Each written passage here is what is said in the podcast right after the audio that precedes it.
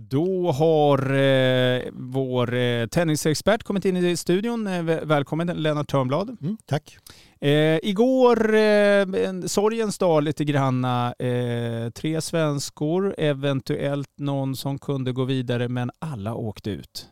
Ja, vi hade förhoppningar på framförallt på Rebecca Pettersen som eh, förlorade en tresetare och Eh, Eh, och det var ju ganska klar förlust också i skiljesättet 6-1 så att där trodde vi faktiskt att hon skulle kunna gå vidare. Hon hade ju slagit fyraårsvinnaren Yang i första rundan och nu hade hon ju på pappret en betydligt lättare amerikanska men eh, som var rankad långt över 100 men det gick inte vägen. Nej, lite synd faktiskt. Och Miriam började hennes match, det var ju, oj, hon fick ju vänta väldigt länge.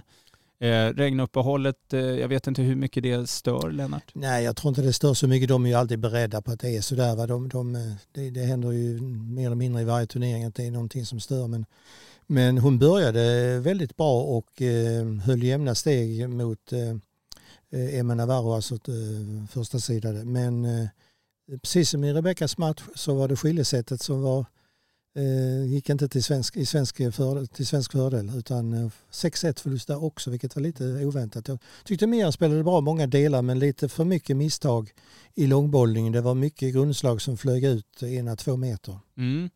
Eh, och sen eh, den sista svensk veckan. Eh, hon var, det är ett wildcard, eh, jag har inte riktigt eh, namnet i huvudet här, men hon, det, det var ju inte så mycket att snacka om där. Det var ju ren skräll att hon tog sig ja. och, och slog Kajsa. Absolut, så var det. Så var det. Så att, eh, ansvaret låg ju på Miriam och Rebecca eh, kan man säga i det långa loppet och därför är det lite synd att de försvann innan kvarten. Det hade ju behövts. Det var ju USA som krossade Sverige där kan man ju säga. Ja, för idag ser det ut att vara amerikanskt. Ja, det är ju eh, tre amerikanska på eh, centern då med Navarro och Chirico som slog eh, Rebecca. Också då Liu också som är sjundesidad. Mm. Så att, och det är, ju, det är en helamerikansk möte i den andra matchen där så det kommer ju vara en, minst en amerikanska i semi mm. imorgon då. Eh, lite ostadigt eh, vädermässigt eh, kan eh, göra att eh, alla de här matcherna kanske inte kommer spela på centerkorten. Det vet man ju inte, eh, det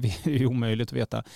men och samtidigt hur snabba de här matcherna går. Va, om du tippar de här fyra som kommer just nu i alla fall ska spelas på centerkorten. Ja, då ser jag Navarro som en klar favorit. Hon är första sidan och möter slovenskan, slovenskan Sidansek. Bör vinna där.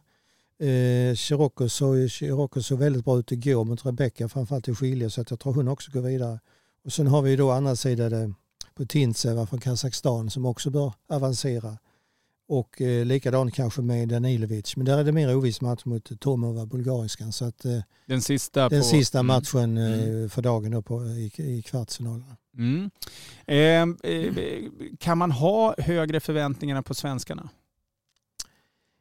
Ja, kanske något. Nu har ju Rebecka hon har gjort bra resultat. Hon var i final i Mexiko till exempel. Så att, eh, vi hade väl lite större förhoppningar. Och, och de älskar ju att spela på hemmaplan och visa upp sig här. Och då, då brukar de ju kunna bjuda till ett snäpp till med publikstöd i ryggen. Så, så att lite besvikelse, knappt godkänt skulle jag vilja säga då till Rebecka och till Miriam vill jag säga godkänt för hon är ju ändå inte riktigt där i den, i den nivån. Men eh, hon vann ju en ITF eh, för ett par veckor sedan så att hon var ju också i god form. Så att, eh, ja, lite, lite svagt kanske av svenskarna.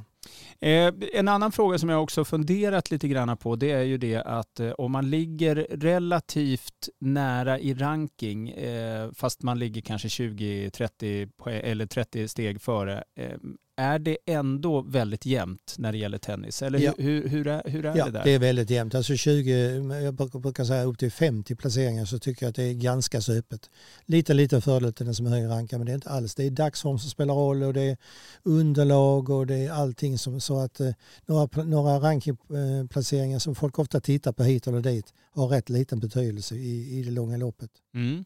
Ja, eh, tack så hemskt mycket Lennart för att du tog dig hit. Jag vet att du är på väg ner till centerkorten nu. Eh, vi hörs lite senare. Mm, tack.